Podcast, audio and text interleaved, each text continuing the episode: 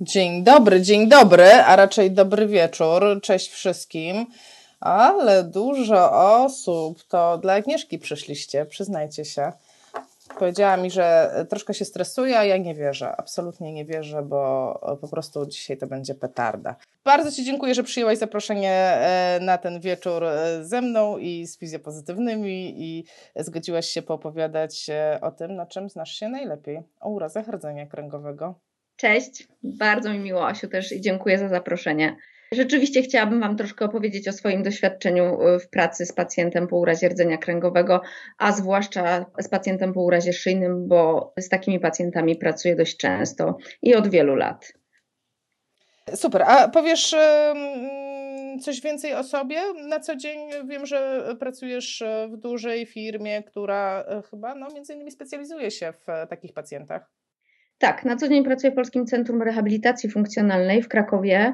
Oprócz tego, że jestem fizjoterapeutką, jestem też kierownikiem y, zakładu leczniczego, w związku z czym mam funkcję trudną za osoby zarządzającej, więc tych stresów i różnych napięć dookoła jest bardzo dużo, ale w momencie, kiedy zamykam się ze swoim pacjentem w gabinecie, to jest najpiękniejszy czas, y, jaki, jaki mogę mieć w swojej pracy.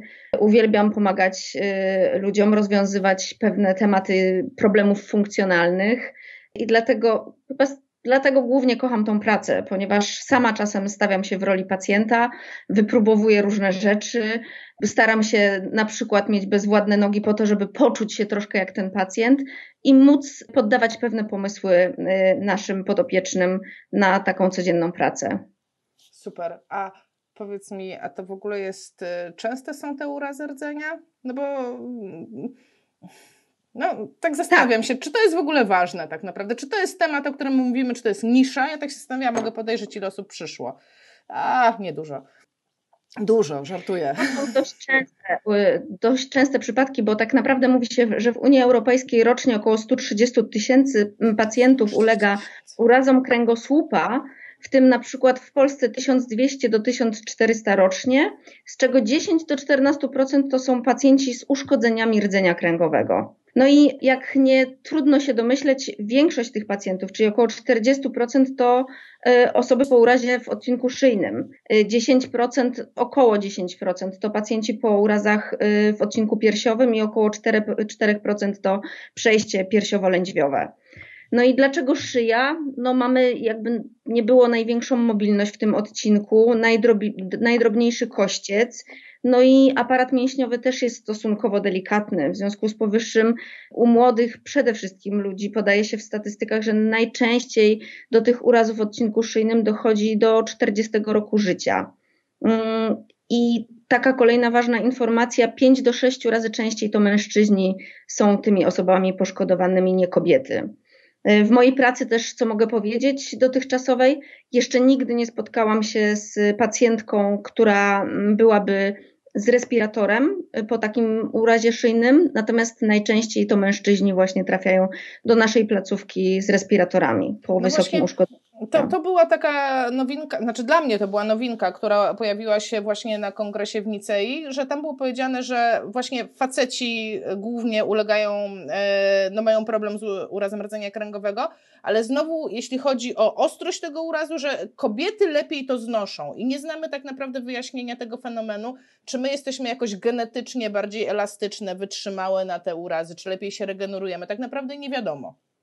Nie wiadomo, tak, to fakt. Ja też nie znalazłam żadnych doniesień, dlaczego tak, y, tak się dzieje, że rzeczywiście kobiety y, też łatwiej się, y, że tak powiem, rehabilitują, w sensie częściej mamy większe osiągnięcia u, u kobiet.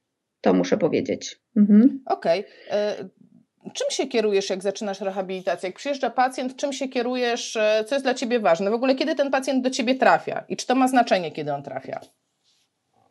E, tak, oczywiście, że ma znaczenie. Ta faza ostra jest taką, myślę, najlepszym punktem, bo mając już doświadczenie z pacjentami po urazach rdzenia kręgowego, wiemy, czego oni oczekują, czego potrzebują, jak szybko trzeba ich pionizować po tak długim często e, okresie leżenia na oddziale szpitalnym i rzadko kiedy prawidłowym, nie, nie ma tego prawidłowego pozycjonowania.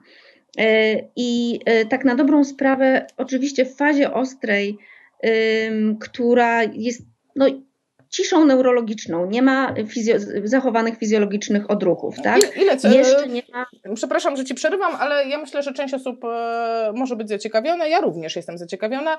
E, ile trwa ta faza ostra i co to jest ta faza ostra w ogóle?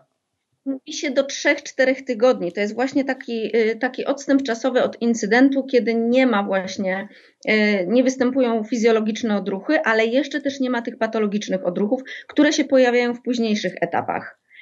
Czyli y, generalnie jest tak, że oczywiście w zależności od poziomu uszkodzenia, mowa teraz o odcinku szyjnym rdzenia, możemy na przykład obserwować u pacjentów Mm, tylko i wyłącznie elewację w, w barkach, ewentualnie bardzo delikatne ruchy zgięcia w stawach łokciowych, no tak jak mówię, w zależności od poziomu, od poziomu uszkodzenia. Ten pacjent, no umówmy się szczerze, oprócz tego, że oddycha, to jest całkowicie zależny, może wykonywać tylko ruchy głową o ile też nie jest jeszcze unieruchomiony w kołnierzu, prawda, ortopedycznym. No właśnie, bo jak miał uraz, to tak, tak sobie to wyobrażam, że, że, że jak jest uraz, to jest jakieś złamanie, czy jest jakaś niestabilność, to taka realna niestabilność, którą trzeba w jakiś sposób ustabilizować, albo operacyjnie, albo tam zewnętrznie. Tak, nie wiem, takie jest tak. moje wyobrażenie. Dokładnie tak, bo niektórzy pacjenci są też leczeni zachowawczo. Mm, no i te, wtedy pozostaje sytuacja tego, że oczywiście nie ma żadnego zabiegu operacyjnego, ale mamy kołnierz ortopedyczny, który y, przez y, określony czas mm, będzie stosowany w zależności od tego, co nam powie neuroortopeda po kontroli y, tomografii komputerowej czy rezonansu magnetycznego. No i tutaj y, ten, y, to postępowanie względem pacjenta po urazie troszkę się będzie różniło, bo ci pacjenci stabilniejsi w odcinku szyjnym, czyli zazwyczaj z zespoleniami już, y, będą mogli być traktowani bardziej mobilnie, tak? Będziemy mogli trochę więcej rzeczy z nimi robić, czyli patrz, torowanie obrotów, wzmacnianie kończyn w pozycjach nie tylko leżenia na plecach, ale też w pozycji bocznej więc y, rzeczywiście możemy więcej wykonać zadań z takim pacjentem, nawet jeśli chodzi o rotacje, które są bardzo ważne, choćby dla samego postrzegania świata z pozycji leżenia. No dobra, czyli chcesz mi powiedzieć, że jak pacjent ma uraz i on trafia na ten ostry oddział, jest w tej fazie 3-4 tygodnie, to najlepiej by było, jakby już wtedy zaczął rehabilitację i to jeśli nie ma przeciwwskazań ortopedycznych, to już jest czas tak naprawdę na zadania funkcjonalne, tak? No bo to, co ty powiedziałeś, że obrót, e, że rotacja, no to to są dla mnie zadania tak naprawdę funkcjonalne. Dokładnie tak. I oprócz tego, że obrót, to też pionizacja w siadzie na oddziale intensywnej terapii czy neurochirurgii, która naprawdę nie jest w ogóle wykonywana. Nie, nie mówię, że zawsze, ale bardzo często spotykam się z tym, że na oddziałach, zwłaszcza intensywnej terapii, gdzie mają fantastyczne łóżka, które można doprowadzić do pozycji y, pełnego siadu, a nawet czasem prawie że pionowej, to to nie jest w ogóle wykonywane. Czyli a może, może się boją, Agnieszka, może oni się boją. Po prostu, może powiem Ci szczerze, ja bym się bała, tak? Mam, mam człowieka, który ma tam, nie wiem, e, bądźmy łaskawi, C6, tak? Oddycha, wydaje, no ale C6, które jest zespolone, ja tak do końca nie wiem, jak to jest zespolone, czy ten chirurg, co tam był, to on dobrze zespolił, czy słabo zespolił, coś się posypie, będzie moja wina. Wiesz, taka, tak, taki ludzki strach. Jasne, ale jakby Asia, jesteśmy na oddziale szpitalnym, no i to jest sytuacja, w której mamy lekarzy, tak? Operatorzy zazwyczaj podpisują się i dają jakąś informację, co my możemy z tym pacjentem y, robić, a jeśli nie, to zawsze możemy zabiegać o to, żeby taka informacja znalazła się też w papierach. No i druga rzecz, jakby nie było, jesteśmy pod nadzorem takiego lekarza i często mm, jak wkraczam na oddziały intensywnej terapii czy neurochirurgii, po to, żeby skonsultować pacjenta, który zostanie przyjęty do naszej placówki, to umawiam się z lekarzem na to, że chcemy zrobić próbę. Chciałabym, żeby on był przy tym obecny, że gdyby się coś działo, to jest i w każdej chwili może interweniować. Więc tu jest dość szerokie pole manewrów, bo oni mają sprzęt. Mhm. E, tak się zadumałam, bo e, generalnie no, obecnie jest taki problem, tak, żeby obcy terapeuta wchodził na oddział, a tobie się no. udaje w jakiś sposób porozumieć z lekarzami, więc teraz zdrać nam, jak to trzeba zrobić w taki sposób, no, no żeby to było po prostu skuteczne. No, mhm. W jaki sposób poprosić o takie wejście? Znaczy, no, no, ja nie mówię, że ktoś tam pojedzie kwalifikować, tak? Ale generalnie poddaj może jakiś sposób, jak rozmawiać, jak, jak rozmawiać, jak próbować, bo jestem przekonana, że po tym live będzie część osób, które będą chciały spróbować tego, co ty mówisz. Mhm. Asiu, no nie ukrywam, że my mamy o tyle łatwą sytuację, że mamy podpisaną umowę ze szpitalem uniwersyteckim, ale są szpitale, do których jeżdżę y, bez podpisanej takiej umowy między naszą placówką a szpitalem. I kwestia wygląda po prostu w ten sposób, że zawsze telefonicznie anonsuję taką wizytę. Pytam, czy jest to możliwe, żeby takiego pacjenta zobaczyć, że rodzina jest zainteresowana przyjęciem do naszej placówki. Y, w związku z powyższym pytam, czy lekarz nie ma po prostu nic przeciwko i zazwyczaj naprawdę nie ma żadnych problemów z tym. Umawiamy się na konkretny dzień, na konkretną godzinę i po uzyskanej informacji y, od lekarza często gęsto umawiam się również z fizjoterapeutą, żeby on był też aktywny, żeby się też czuł doceniony, bo z drugiej strony no on spędza najwięcej czasu z tym pacjentem tam na oddziale, więc też podpowiada mi, y, co do tej pory było robione y, względem tego pacjenta, jak on reaguje, jak wyglądają mm, te reakcje autoimmunologiczne w trakcie, w trakcie terapii. I to też jest dla mnie duża podpowiedź mm, przed tym, jak zaplanuję dla niego indywidualny plan rehabilitacji y, w naszej placówce. Więc myślę, że najważniejsze to rozmawiać i, y, i poznawać tych lekarzy. W Krakowie nie mamy z tym problemu, żeby mm, pojawiać się na oddziałach szpitalnych. Owszem, są miejsca, w których jesteśmy mniej lub bardziej e, widziani, milej, natomiast nie spotkałam się nigdy z odmową.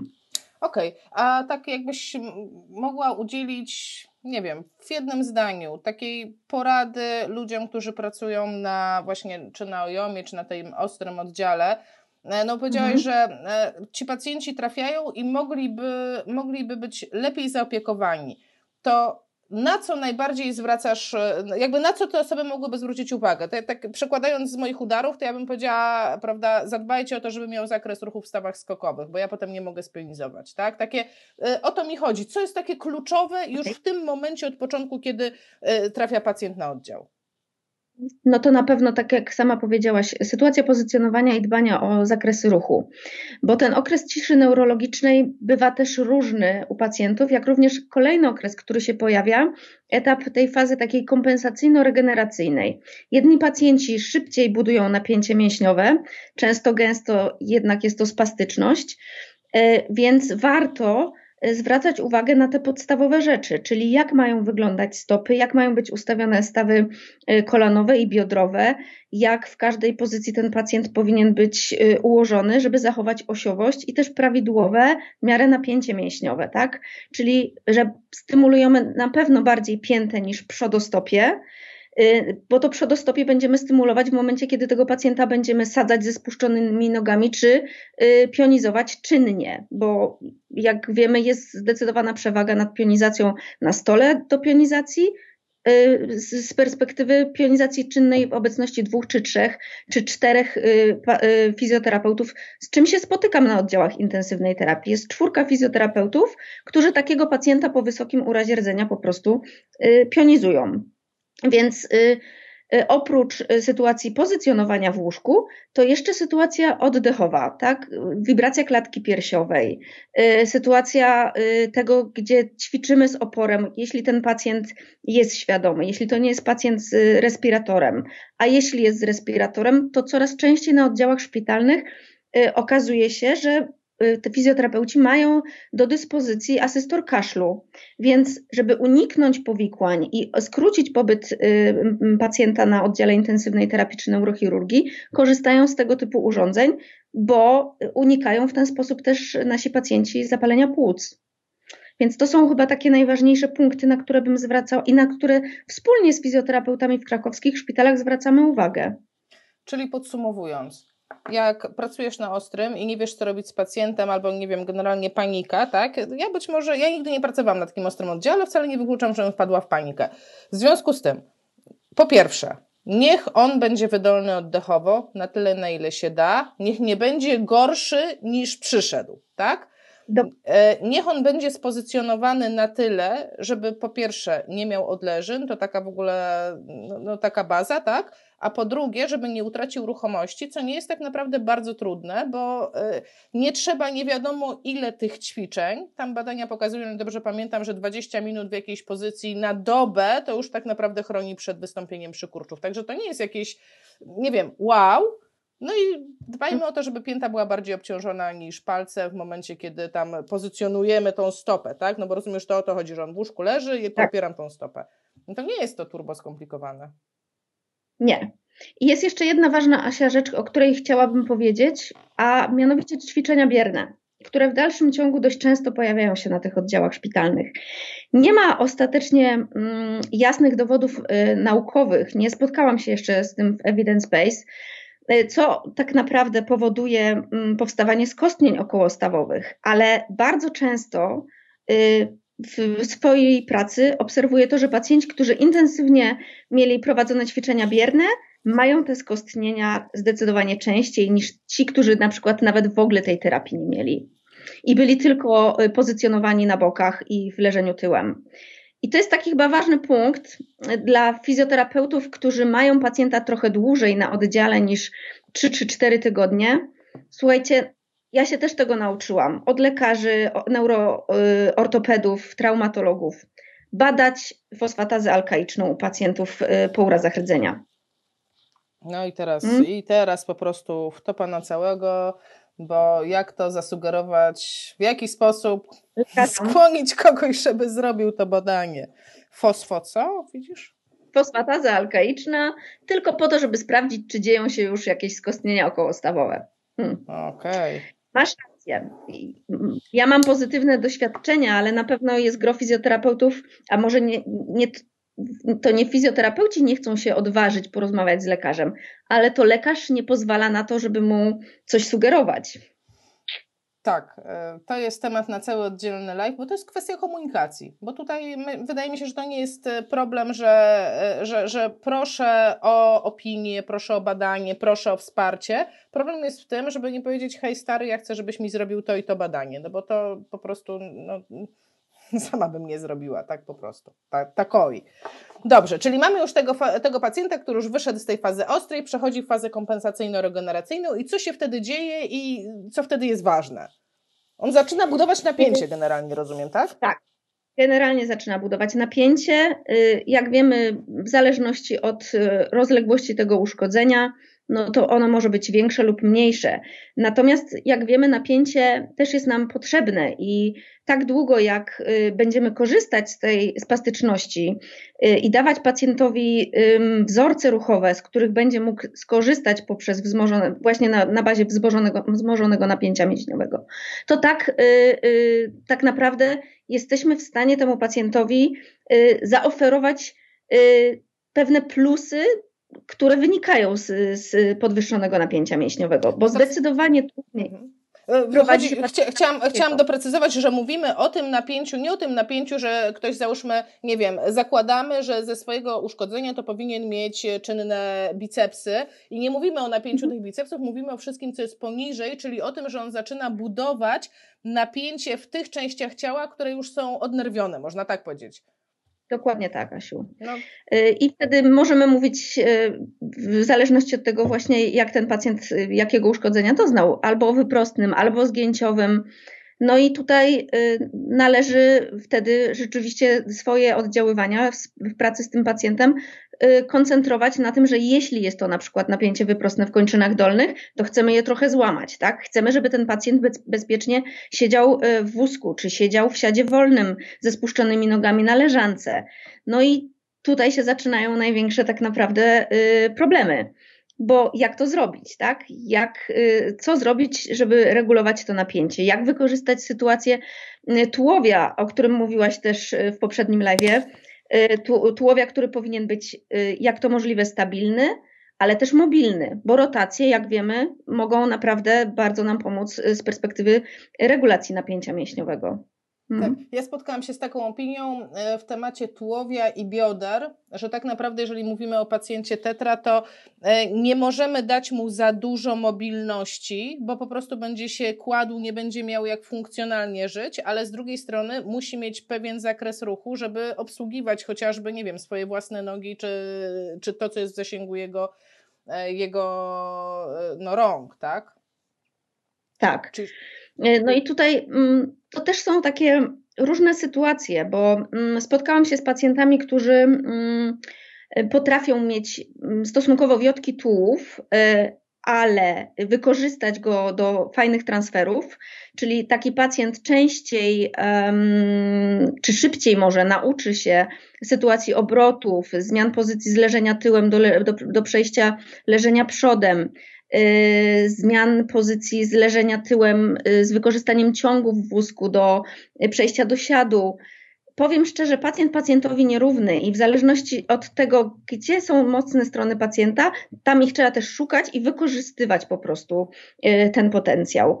Także spastyczność może być dobra, może też przeszkadzać, ale trzeba zawsze wyciągnąć z tego y, jakieś korzyści i zawsze da się to zrobić.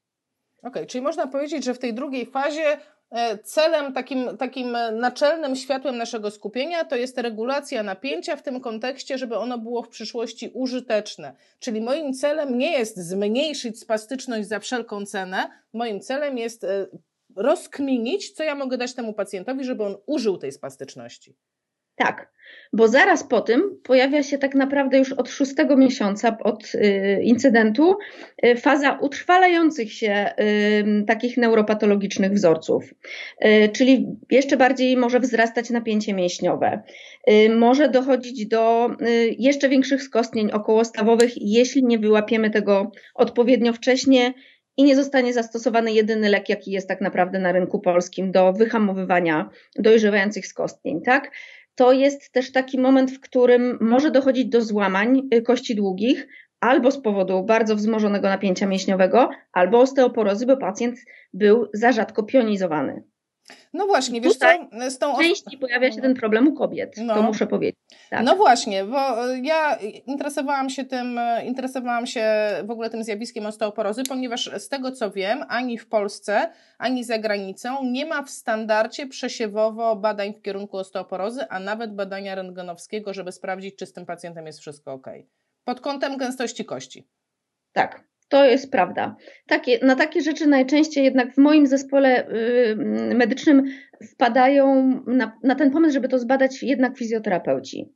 Zwłaszcza jeśli jeszcze widzimy, że pojawiają się pewne ograniczenia w stawach y, y, ruchomości, no i wtedy istnieje takie ryzyko w naszej pracy zawodowej. Pionizować, nie pionizować. Y, zakładać nogę na nogę, nie zakładać, bo chcemy na przykład ubrać skarpetki, czy chcemy pacjent ma się nauczyć samodzielnie ubierać dolną część garderoby. No i to są sytuacje, które mm, naprawdę y, poddają nam mm, do myślenia to i prosimy naszych y, mm, lekarzy konsultantów o to, żeby jednak wystawić skierowanie na takie badanie, żeby wysłać tego pacjenta, żeby sprawdzić. Mogę też powiedzieć jeszcze jedno, Asiu, myślę, częściej osteoporozę y, obserwujemy u pacjentów z wiotkością, bo to uraz rdzenia to nie zawsze tylko spastyczność. Y, mam w swojej pracy zawodowej takie doświadczenia i znam takie dwie pacjentki, które mają wiotkość i ta osteoporoza to jest około 40%, więc y, tu leczenie reumatologiczne Mm, pod kątem suplementów diety, y, zastrzyków y, odpowiednich farmakoterapii, no musi być naprawdę cały czas koordynowane przez lekarza. Mhm, tak, żeby wyłuskać te takie najcenniejsze rzeczy, e, z tego, co mówię, wszystkie są cenne, ale tak e, gdybyś miała poddać taki wzorzec, który powinien odpalać nam w głowie czerwoną lampkę, kiedy mam zacząć w jakiś sposób, e, nie wiem, prosić o opinię lekarza, że boję się tej osteoporozy. Rozumiem, że to będą ograniczenia ruchomości. E, I to tak. będą takie galopujące, czy, czy, czy takie, co kurde, no rozciągam, rozciągam, rozciągam, rozciągam i nic z tego rozciągania nie idzie. Mhm. Y, zarówno takie, które galopują, ale też takie, które po prostu dochodzimy do pewnego zakresu ruchu i rzeczywiście dalej nie dzieje się nic, tak? Nie możemy przejść y, dalszej sytuacji zakresu y, ruchu. I to jakby pojawia się taki mm, wykrzyknik, no i już jakieś aktywności nie możemy zrobić, więc sprawdźmy. Hmm? Bo nie będziemy forsować y, danego, mm, danej aktywności, jeśli nie mamy pewności, że dany ruch nie pozwoli, no, jeśli no, po prostu dany ruch może nam spowodować y, na przykład złamanie. No, mamy pacjentów, którzy są sadzani w siadzie po turecku i y, pogłębiamy zgięcie w tułowiu. Naprawdę niejednokrotnie doszło do złamań u takich pacjentów ze wzmożonym napięciem mięśniowym, po prostu. I to jest właśnie ta faza ta trzecia, kiedy są te zaburzenia, kiedy narastają te zaburzenia neuropatologiczne. To nie są jeszcze utrwalone rzeczy, tylko to się cały czas buduje. Mhm. A kiedy można powiedzieć, że już jest zbudowane, kiedy już się utrwaliło i już koniec, klamka zapadła? Mówi się, że powyżej dwóch lat od urazu. Mhm. Czyli tak do dwóch lat to jeszcze tam tak naprawdę jeszcze kształtujemy, możemy dużo ukształtować, tak? No bo to, to jest tak, no bo zawsze pada taki argument, że przecież tak naprawdę do końca życia coś tam da się zmienić, e, no ale mamy pewno to takie okno terapeutyczne i rozumiem, że e, optymalnie by było jakby wejść już tam, kurczę, tydzień po urazie i dwa lata to po prostu na ostro, rozsądnie się terapiować, a po dwóch latach zacząć wracać, powiedziałabym, do życia takiego już, jakby przekładać środek ciężkości z rehabilitacji na życie. Tak, dokładnie. Żeby ta partycypacja właśnie y, miała miejsce, taka prawdziwa partycypacja. Mhm. Mhm. Wspomniałaś o tułowiu i tak sobie myślę o tym tułowiu, e, no bo mówimy o pacjentach tetra, czyli teoretycznie oni w ogóle nie mają unerwionego tułowia. No to co tutaj rzeźbić z tułowiem? Y, przede wszystkim, y, no Asia, zależy od y, wysokości. Mamy pacjentów, którzy tak szybko potrafią zbudować napięcie mięśniowe, niby patologiczne, bo jest to już spastyczność w obrębie tułowia.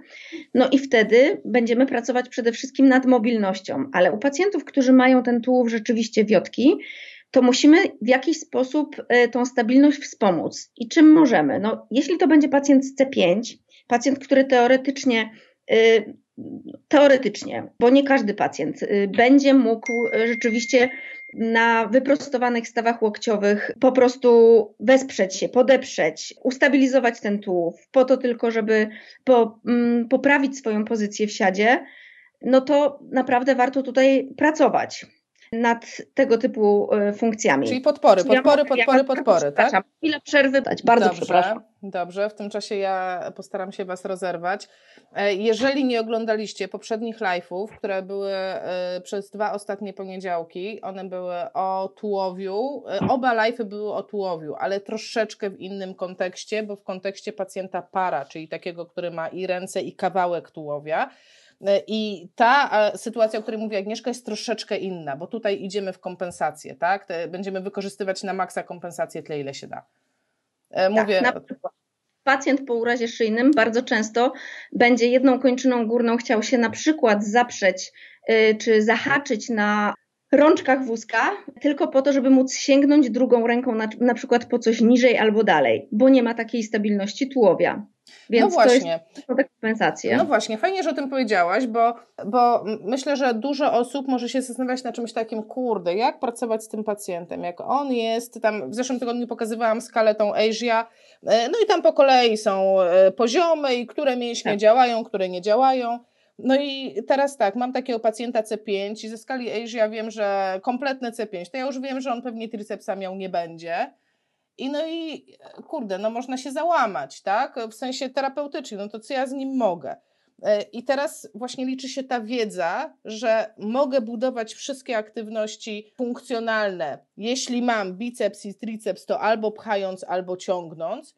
Ale są sposoby, żeby zbudować e, większość tych aktywności dnia codziennego tylko ciągnąc. I są pacjenci C5, którzy potrafią sami wstać z podłogi, sami się ubrać, nie? Tak, dokładnie jest. Jest y, też tak, że pacjent po prostu, który rzeczywiście, tak jak powiedziałaś, ma C5, y, zamknie się po prostu na przeprostach y, w stawach łokciowych i też będzie w stanie działać. Albo zrobi to tylko na jednej kończynie górnej, a drugą będzie po coś sięgał. Więc te rzeczy należy też wykorzystywać. I mam pacjentów z C5, którzy z naprawdę niewielką pomocą są w stanie z poziomu maty przejść na leżankę.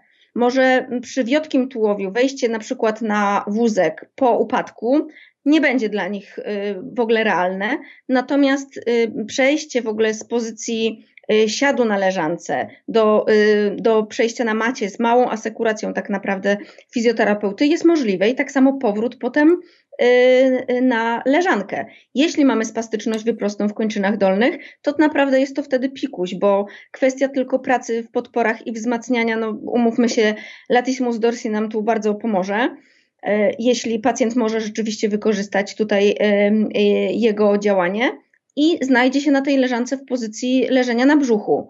Natomiast y, mając doświadczenie też w pracy z pacjent, pacjentami, którzy mają tak naprawdę tylko reaktywność w kończynach dolnych, nie ma tam plastyczności, nogi raczej są wiotkie, to po prostu nasze ręce w tym momencie na kolanach będą im bardzo pomocne, aczkolwiek nie jest to duży impuls, który musimy temu pacjentowi zadać, żeby on się na tej leżance znalazł.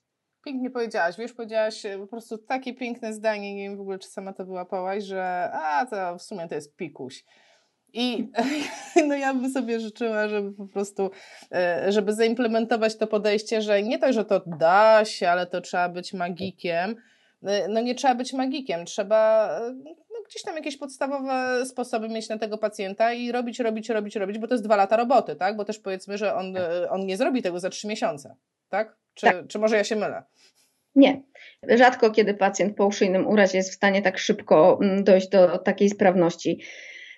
Powiem tak, pacjentów rdzeniowych, z którymi pracuję, prowadzę już 13 lat. I to nie jest y, sytuacja, w której oni rzeczywiście wymagają, tak jak powiedziałaś wcześniej, aż tak intensywnej rehabilitacji jak na początku, w przeciągu tych dwóch lat od incydentu. Natomiast ci pacjenci ciągle uczą się czegoś nowego, mają swoje ambicje, z lub większym wsparciem sprzętu ortopedycznego czy wspomagaczy, że tak powiem, y, do jazdy wózkiem, smart drive na przykład, są w stanie po tylu latach wyjechać na ulicę i samodzielnie pokonać bariery architektoniczne, przejechać na zielonym świetle, czego nigdy wcześniej nie robili. Więc ten czas i ta nasza praca też w terenie z takim pacjentem ma znaczenie, bo my, my go też musimy napędzać, powinniśmy go napędzać, może nie musimy, ale chcemy, powinniśmy mu pokazywać, ile jeszcze rzeczy może osiągnąć, żeby naprawdę czuł się, czuł się samodzielny. Moi pacjenci po urazie szyjnym często mówią: Ja tak pragnę być dłużej sama, sam, żeby nie musieć kogoś prosić o pomoc. No i to są takie mhm. momenty, kiedy oni mogą własnymi rękami napędzać wózek, ale w momencie, kiedy już jest duże nachylenie, mają smart drive'a, który im w tym pomoże. Okej, okay, zapisałam sobie, bo no wszystko, ja poprzednim razem już mówiłam coś takiego, że taką, takim pierwszym życzeniem, nie wiem jakie jest Twoje doświadczenie, było takie, że pierwszym życzeniem takim z marszu osoby po urazie rdzenia kręgowego jest jednak zacząć chodzić. I bardzo łatwo jest ulec pokusie, że no dobra, no to chcesz chodzić, no to nie ma sprawy. Organizujemy sprzęt, ćwiczymy chodzenie, no i okazuje się, że przez ten rok terapii to my tak naprawdę wytłukliśmy to chodzenie. E, a tymczasem e, teraz mówisz mi, że, no bo rozumiesz, to jest ten późniejszy okres, kiedy dochodzi to zrozumienie, to poznanie sytuacji i to takie no już zapoznanie się z tym, na czym polega życie e, z urazem rdzenia jednak zmieniają się priorytety. Chciałbym się sam poruszać, chciałbym zostać sam, chciałbym coś zrobić samodzielnie. I, i teraz, na, jakby gdzie jest ta nasza mądrość terapeutyczna, od czego my powinniśmy zacząć? Co jest, co jest ważne? Ja mam zapisane e, oczywiście, no, że te obroty są ważne, że jakby od czego byś zaczęła? Na co byś, na co byś e, poleciła zwrócić uwagę terapeutom, którzy dostają takich pacjentów i słyszą, ja chcę chodzić i po prostu łapią się za głowę wola Boga, no to, to mamy problem. Mhm. Często y, tłumaczę pacjentom, że to jest troszkę jak z noworodkiem i niemowlakiem, który też musi przejść pewne etapy. My nigdy nie wiemy, do czego może dojść dany pacjent, zwłaszcza w, tej, y, w tych pierwszych miesiącach od incydentu. I tłuma- próbuję im tłumaczyć to, że zacznijmy od tych prostych rzeczy, od tych, y, od których się zaczyna w ogóle samodzielność. Czyli właśnie to, że mogę sam sięgnąć po kubek, i sam się napić, a nie zrobi tego za naszego pacjenta jego mama, jego y, żona, jego brat, tylko właśnie ten pacjent. To jest sytuacja zakładania górnej części y, garderoby, bo wiadomo, że z tą górną częścią jest zdecydowanie łatwiej. To jest sytuacja właśnie transferów, o których rozmawiamy, które są tak niezwykle ważne. To jest taki sukces i taka radość pacjenta, który samodzielnie potrafi przesiąść się z wózka na leżankę, czy y, y, przeciwnie. Także czy samodzielnie zacząć kroić miękkie rzeczy, przygotowywać coś do posiłków. To są y, rzeczy, które cieszą. Jasne, że często, gęsto ci pacjenci mówią, ale ja chcę chodzić. Ja mówię, ok, a teraz sprawdźmy, jakie aktywności mogą wykonywać Twoje kończyny dolne. I też pracuję z pacjentami, którzy nie ulegli całkowitemu y, urazowi rdzenia kręgowego. Jest to częściowe i są to pacjenci, którzy chodzą, zazwyczaj na krótkich dystansach. Y, natomiast mm, przejść, wyjazd na zakupy, to już musi być wyjazd na wózku, bo ten pacjent ani nie udźwignie tylu rzeczy, mając y, niedowład kończyn górnych, tylko będzie mm, wymagał po prostu takiego wsparcia, jak sytuacja wózka i wrzucania rzeczy do, powiedzmy, koszyka, który trzyma na swoich kolanach. Więc pacjentom trzeba pokazywać. Czasem robimy pewne rzeczy pro psychę i właśnie tak to też tłumaczę y, y, naszym pacjentom, że okej, okay, spróbujmy. Wykonamy y, wysokie ortezy, których pacjent będzie zabezpieczony. Na początek ten chód terapeutyczny robimy we dwie osoby. Potem, jeśli pacjent nam bardziej pomaga i potrafi się wystabilizować na kończynach górnych, najczęściej, tak jak powiedziałam, na przeprostach w stawach łokciowych przy urazie C5, ten chód możemy już robić samodzielnie. Mamy podciągi na, stawach, na stopach dla stawów skokowo-goleniowych, mamy zabe, zabezpieczone stawy kolanowe przed zgięciem. Ok, działamy. I nagle okazuje się, że pacjenci zauważają, dobra, nic nie idzie w tym kierunku, żebym mógł dalej samodzielnie się poruszać, ale mam lepszą perystaltykę jelit. Hmm? Rzadziej robi mi się słabo. I to są takie plusy, które ci pacjenci zauważają. Mechanizm wyparcia bywa y, różny u różnych osób. Każdy z nas ma inny charakter. No i na pewno będą osoby, które ciągle będą wierzyły w to, że stanie się cud. I też jestem terapeutą, która mówi, który często mówi, nie wiem co będzie, bo nie wiemy jak daleko pójdzie medycyna. Może znajdzie się ktoś, kto kiedyś przeszczepi rdzeń kręgowy, albo ktoś, kto skonstruuje taki stymulator, który spowoduje, że będziesz mógł chodzić i pokonywać krótkie y, odcinki, y, powiedzmy po płaskiej powierzchni ale skupmy się na tym, że ty czasem musisz być też sam w domu. Sam chcesz się napić, sam chcesz y, napisać coś na komputerze czy odebrać telefon. Więc pracujmy może na tym etapie na tym. Prędzej czy później jedni się godzą, inni nie, ale udaje się wypracować z nimi takie właśnie mm, aktywności ruchowe, które dają im też satysfakcję. No właśnie, pójdźmy y, tak na chwilkę w kierunku tych aktywności ruchowych. E, bo powiem Ci tak, ja kiedyś myślałam, że z pacjentem rdzeniowym to trzeba go wzmacniać, wzmacniać, wzmacniać, wzmacniać, tam ogień i on ma wszystko przez siłę robić. A potem jak co do czego doszło, to okazało się, że on nie ma wszystkiego robić przez siłę, tylko ma robić część rzeczy sposobem, czyli albo przez zamach, albo przez dźwignię. I generalnie, owszem, ta siła jest ważna, no bo będziemy go wzmacniać, ale no nie wiem, czy nie ważniejsze jest to, żeby wiedział, jak to zrobić. Chociażby tak, tak. obroty, tak? Cokolwiek. Tak, jest to bardzo ważne i właśnie to, co powiedziałyśmy w tej fazie, kiedy pacjent głównie spędza czas w pozycji leżącej, nauczenie tego pacjenta, że na przykład z pozycji leżenia tyłem może Y, zahaczyć się o ciąg wózka, który stoi w poblisku łóżka czy leżanki y, i wykorzysta mechanizm zgięcia w stawie łokciowym przy C5 i wyprostu w nadgarstku poprzez właśnie zahaczenie się tym nadgarstkiem o ciąg i wykona przez zamach drugiej kończyny górnej ruch w stronę przywiedzenia i zgięcia rotacji zewnętrznej, uda się mu zmienić tak, uda się mu zmienić pozycję do pozycji bocznej a potem również przez dźwignię y, wyjścia nawet do podporu na łokciu. Drugą ręką może próbować wtedy zrzucać kończyny dolne, tak żeby przejść do siadu ze spuszczonymi nogami. Także te mechanizmy kompensacji i wykorzystywania dźwigni, o których mówisz, są bardzo ważne. Czy to będą poręcze w łóżku ortopedycznym, czy to będzie w łóżku pacjenta przy ścianie zamontowane coś sztywnego, na czym on właśnie wykorzystując wzorzec zgięcia w stawie łokciowym wyprostu w nadgarstku, po prostu się podniesie, to warto y, o takich mechanizmach myśleć w pracy z, z, naszym pacjentem. Wiemy, że pacjenci przy wysokim urazie rdzenia rzadko kiedy wykorzystają sytuację na przykład chwytaków. Na co może sobie już pozwolić pacjent y, z paraplegią. Mhm, chwytaków, w którym tych drabinek, tak? To, to są chwytaki. Nie mówię o chwytakach, czyli tych urządzeniach pomagających A, to. kartki, spodni, mhm. gdzie musisz wykorzystać sytuację aktywnego chwytu.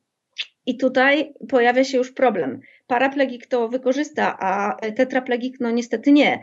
Więc musimy myśleć o zupełnie innych mechanizmach, e, e, które mogą wykorzystać ci pacjenci. A czego my się w ogóle możemy spodziewać po chwycie u tych pacjentów? No bo e, po czym ja mam rozróżnić, po czym ja mam w ogóle e, ocenić, ty to masz szansę chwytać, a ty to nie masz, a ty to będziesz chwytał tak, a ty to będziesz chwytał inaczej. I na początku live'u powiedziałyśmy, że ważne jest utrzymanie ruchomości.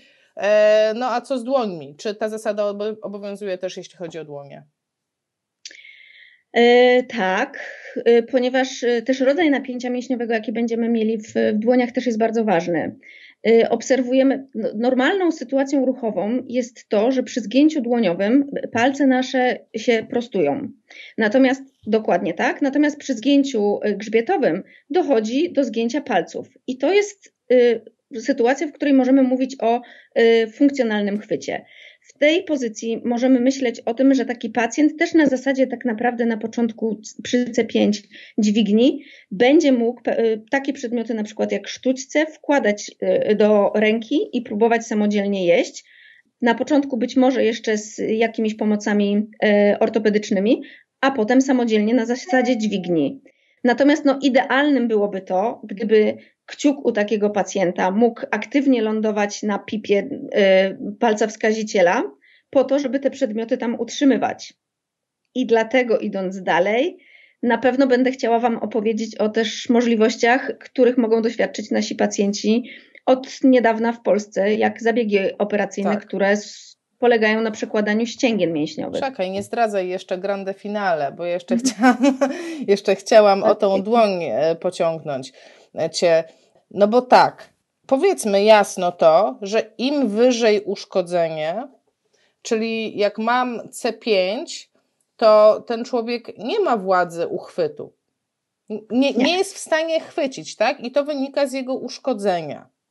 W związku tak. z tym, bo chcę, chcę doprecyzować ten chwyt, ten chwyt funkcjonalny, na czym to polega. W związku z tym wykorzystuje on to zjawisko, że kiedy prostuje nadgarstek, to spontanicznie zaciskają mi się palce, tak? No bo wydłużają się, wydłuża się część zginaczy, tak? Więc w innym miejscu muszą się skrócić, prawda?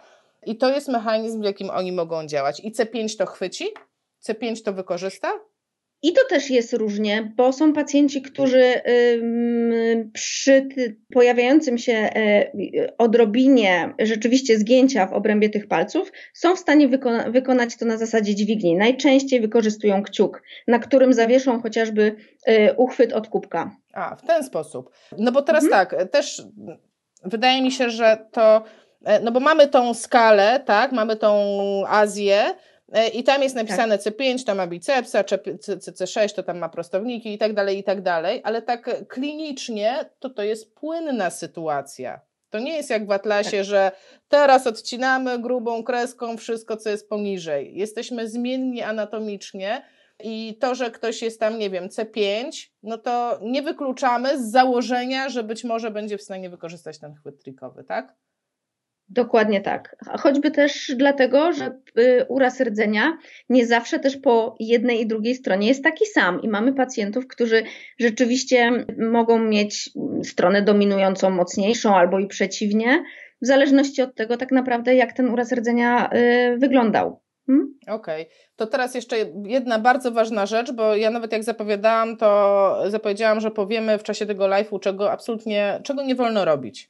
I chciałabym, e, no bo to też trzeba jasno powiedzieć, że o ile jeśli chodzi tam, nie wiem, o stawy skokowe, kolana, biodra, no to my chcemy zachować tą ruchomość, bo ona będzie funkcjonalna, to będą takie sytuacje w urazach rdzenia, kiedy my świadomie będziemy chciały utracić ruchomość. I mówię tutaj właśnie mhm. o, mam na myśli właśnie dokładnie ten chwyt trikowy. Gdybyś mogła o tym opowiedzieć. Jakie to są sytuacje? Kiedy, no bo ja, ja fizycznie jako terapeuta staję przed wyborem, no to ja mam chociażby podpory, tak? Mam siadać z tym pacjentem i mam go podpierać e, tak na łóżku, czy mam siadać i podpierać tak? No. Tak, absolutnie nie, rozciąg nie rozciągamy zginaczy palców i e, e, nadgarstka dłoniowych. E, bardziej budujemy podpory na zasadzie piąstki, tak bym e, to określiła, ponieważ tak naprawdę wyprost w stawach śródręczno-paliczkowych, a zgięcie w pozostałych paliczkach naprawdę ma znaczenie dla funkcjonalnego chwytu. I dlatego e, bardzo ważne jest też, żeby już w tej drugiej fazie, o której mówiliśmy, mówiłyśmy, kompensacyjno-regeneracyjnej, starać się umożliwiać pacjentowi funkcjonalny chwyt poprzez albo bandażowanie, albo plastrowanie. Mhm. I od razu powiem tak, bo, bo to, był taki, to była taka największa rozkmina, jaką tam kiedyś miałam i, i generalnie żeśmy nad tym debatowali.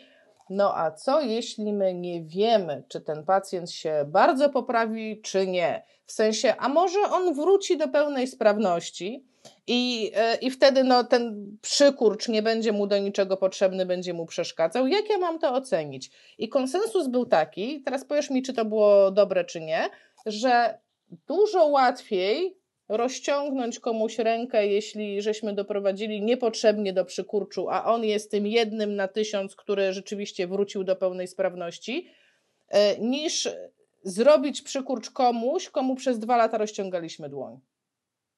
Zdecydowanie tak. E, łatwiej rozciągnąć e, skrócone zginacze niż przez dwa lata, prawda, utrzymywać sytuację wyprostu w stawach międzypaliczkowych i potem dbać o to i starać się właśnie plastrować i budować sytuację zgięciową w obrębie tych stawów. Zgadzam się tutaj, Asiu, z tym, co powiedziałaś. Czyli piąsteczki. Tak, e, hasłowo zaciskamy piąsteczki i nie rozciągamy. I no też powiedziałabym, nawet raz dziennie, tak? To nie to, że raz dziennie, no to tylko, ja, ja tylko raz dziennie sobie pomobilizuję. Bo już żeśmy ustalili, że tylko raz dziennie to wystarczy, żeby właśnie utrzymać tą ruchomość, a my ją świadomie chcemy jednak utracić, tak? Mówimy I pomiędzy terapiami po prostu tego pacjenta plastrujemy, czy bandażujemy, czy stosujemy specjalne rękawice, które często gęsto są szyte na miarę, po to, żeby zachować po prostu funkcjonalny chwyt. Nawet jak ci pacjenci pracują, powiedzmy, z oporem na maszynach typu pulej, y, to ta rękawica i ustawienie palców w tej rękawicy ma znaczenie właśnie po to, żeby utrwalać y, sytuację tutaj y, zgięciową i cały czas podkreślam chwytu y, funkcjonalnego. Tak, Judyta nam pojechała, wiesz? Judyta nam pojechała, tak? e, że nie zgadza się. Nie zgadza się, nie wolno wiązać dłoni. Jest to jej opinia, bo łatwiej dłoń układa się do rzeczy. No i pięknie. Mhm. Dziękujemy Ci, Judyta. Tak może być, bo mamy różne sytuacje napięcia mięśniowego i myślę, że tutaj y, mając na uwadze plastrowanie czy bandażowanie, trzeba też oceniać pacjenta y, pod kątem spastyczności w częściach dystalnych.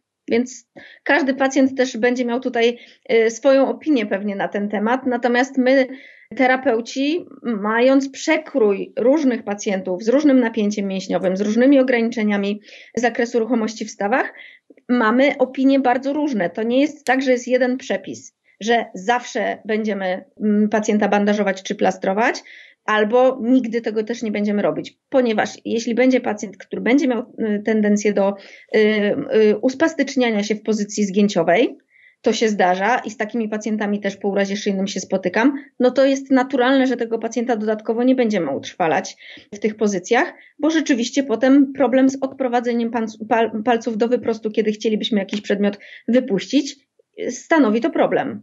Tak. No dobrze, grande finale, to teraz, to teraz. Myślę, że teraz jest świetny moment, bo jestem przekonana, że część osób myśli, hmm, plastrowanie, to brzmi nieźle, chciałbym to umieć, e, chciałbym umieć bardziej ogarnąć e, takiego pacjenta e, i to jest ten moment, w którym chyba chciałeś, chcia, znaczy chyba, na pewno chciałyśmy zaprosić Was do zapisywania się na warsztaty do Agnieszki. E, warsztaty, które będą też w e, czasie Kongresu Kifowskiego. Są dokładnie tego samego dnia, co i moje warsztaty w sobotę, więc e, choćbym bardzo chciała, ja bym bardzo chciała przyjść na Twoje warsztaty, ale nie mogę takie życie. Ale słuchajcie, jeżeli chcecie się więcej dowiedzieć, to po prostu trzeba się zapisać, trzeba odnaleźć na tej liście e, nazwisko Ochocińska, a z przodu będzie imię Agnieszka i właśnie takie rzeczy tam będą na warsztatach, więc jak pracujecie z urazami rdzenia, no to no po prostu to zróbcie, tak po prostu.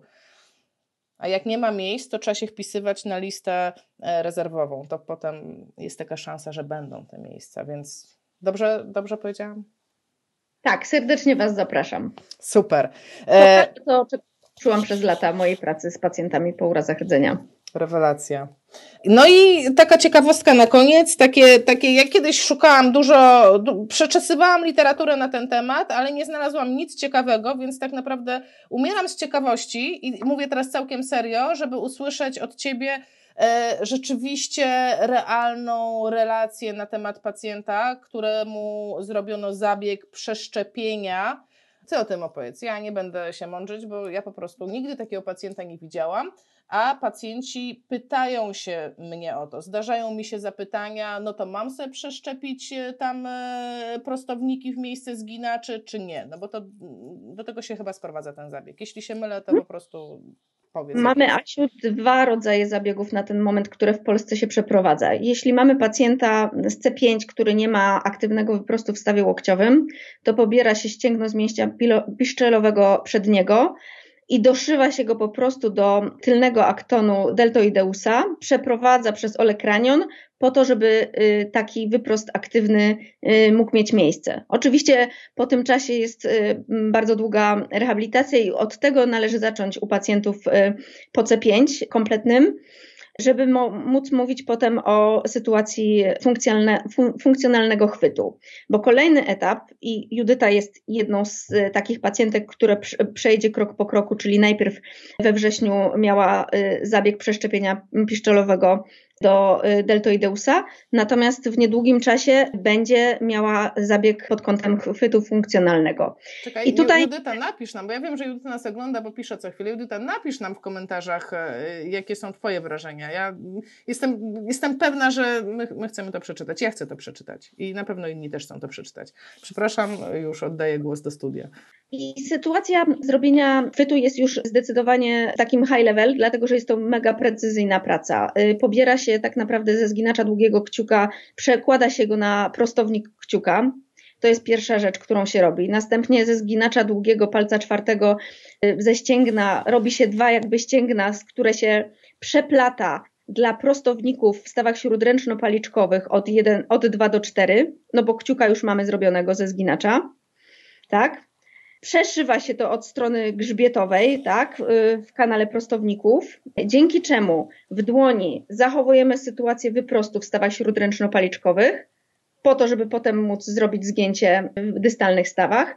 I to, żeby móc doprowadzić do zgięcia w stawach, y, w stawach, y, w stawach dalszych, to już jest sprawa po pierwsze, najpierw skrócenia prostownika promieniowego nadgarstka. Pokaż bardziej przed siebie, bo nas widać, albo czekaj, ja tak? Cię wrzucę po całości, siebie wygaszę i już możesz pokazywać, e, już widać Cię całą, jest idealnie. Tak. I następnie chirurg skraca prostownik promieniowy nadgarstka po to tylko, żeby ta dłoń była w bardziej zgięciowej pozycji e, zgięcia grzbietowego. Następnie pobiera e, część dystalną brachioradialisa i przeplata po to tylko, żeby móc dokonać e, sytuacji zgięcia w tych właśnie dalszych paliczkach. Jest to naprawdę bardzo precyzyjna praca przyszywania e, tego ścięgna, dzięki czemu rzeczywiście w momencie, kiedy pacjent będzie e, zginał grzbietowo nadgarstek, paliczki będą się ustawiały w zgięciu. Dodatkowo dochodzi do osteotomii w obrębie pierwszej kości śródręcza, czyli mamy na myśli teraz kciuka, do którego doprowadzany jest grot który w odpowiedniej pozycji będzie utrzymywał kciuk przez dokładnie 8 tygodni, po to, żeby e, w efekcie końcowym podczas zgięcia grzbietowego nadgarstka kciuk lądował na zasadzie aktywnego chwytu, ponieważ będziemy go już mieli przez to, co zostało dokonane na, z perspektywy ścięgien zginacza długiego kciuka przełożonego na prostownik. Będzie możliwość lądowania kciuka na pipie palca wskaziciela, dzięki czemu ci pacjenci potem rzeczywiście poprzez naszą pracę, tak naprawdę trochę przestymulowanie kory mózgowej, bo tego wcześniej przez ileś tam lat nie robili, e, tej aktywności, uczą się trzymać przedmioty różnej grubości. Dzięki temu tak naprawdę poprzez zmniejszanie e, tak naprawdę tej odległości między kciukiem a pipem palca wskaziciela możemy potem pracować i wzmacniać tą funkcję właśnie chwytną tutaj. Także zabieg bardzo, bardzo ciekawy. Dodatkowo, żeby nie było takiej dewiacji dopromieniowej, również skraca się tutaj sytuację zginacza mm, łokciowego nadgarstka, po to, żeby rzeczywiście ta ręka była w pozycji bardziej y, neutralnej i nie ulegała tej dewiacji dopromieniowej. Mamy w, aktualnie w ośrodku pacjentkę, która dzięki temu, że została zoperowana, pisze, maluje, jest w stanie się samodzielnie uczesać, czego nigdy wcześniej nie była w stanie zrobić, bo ta dźwignia w postaci palca wskaziciela czy palca kciuka po prostu nie była możliwa do utrzymania szczotki na przykład do włosów.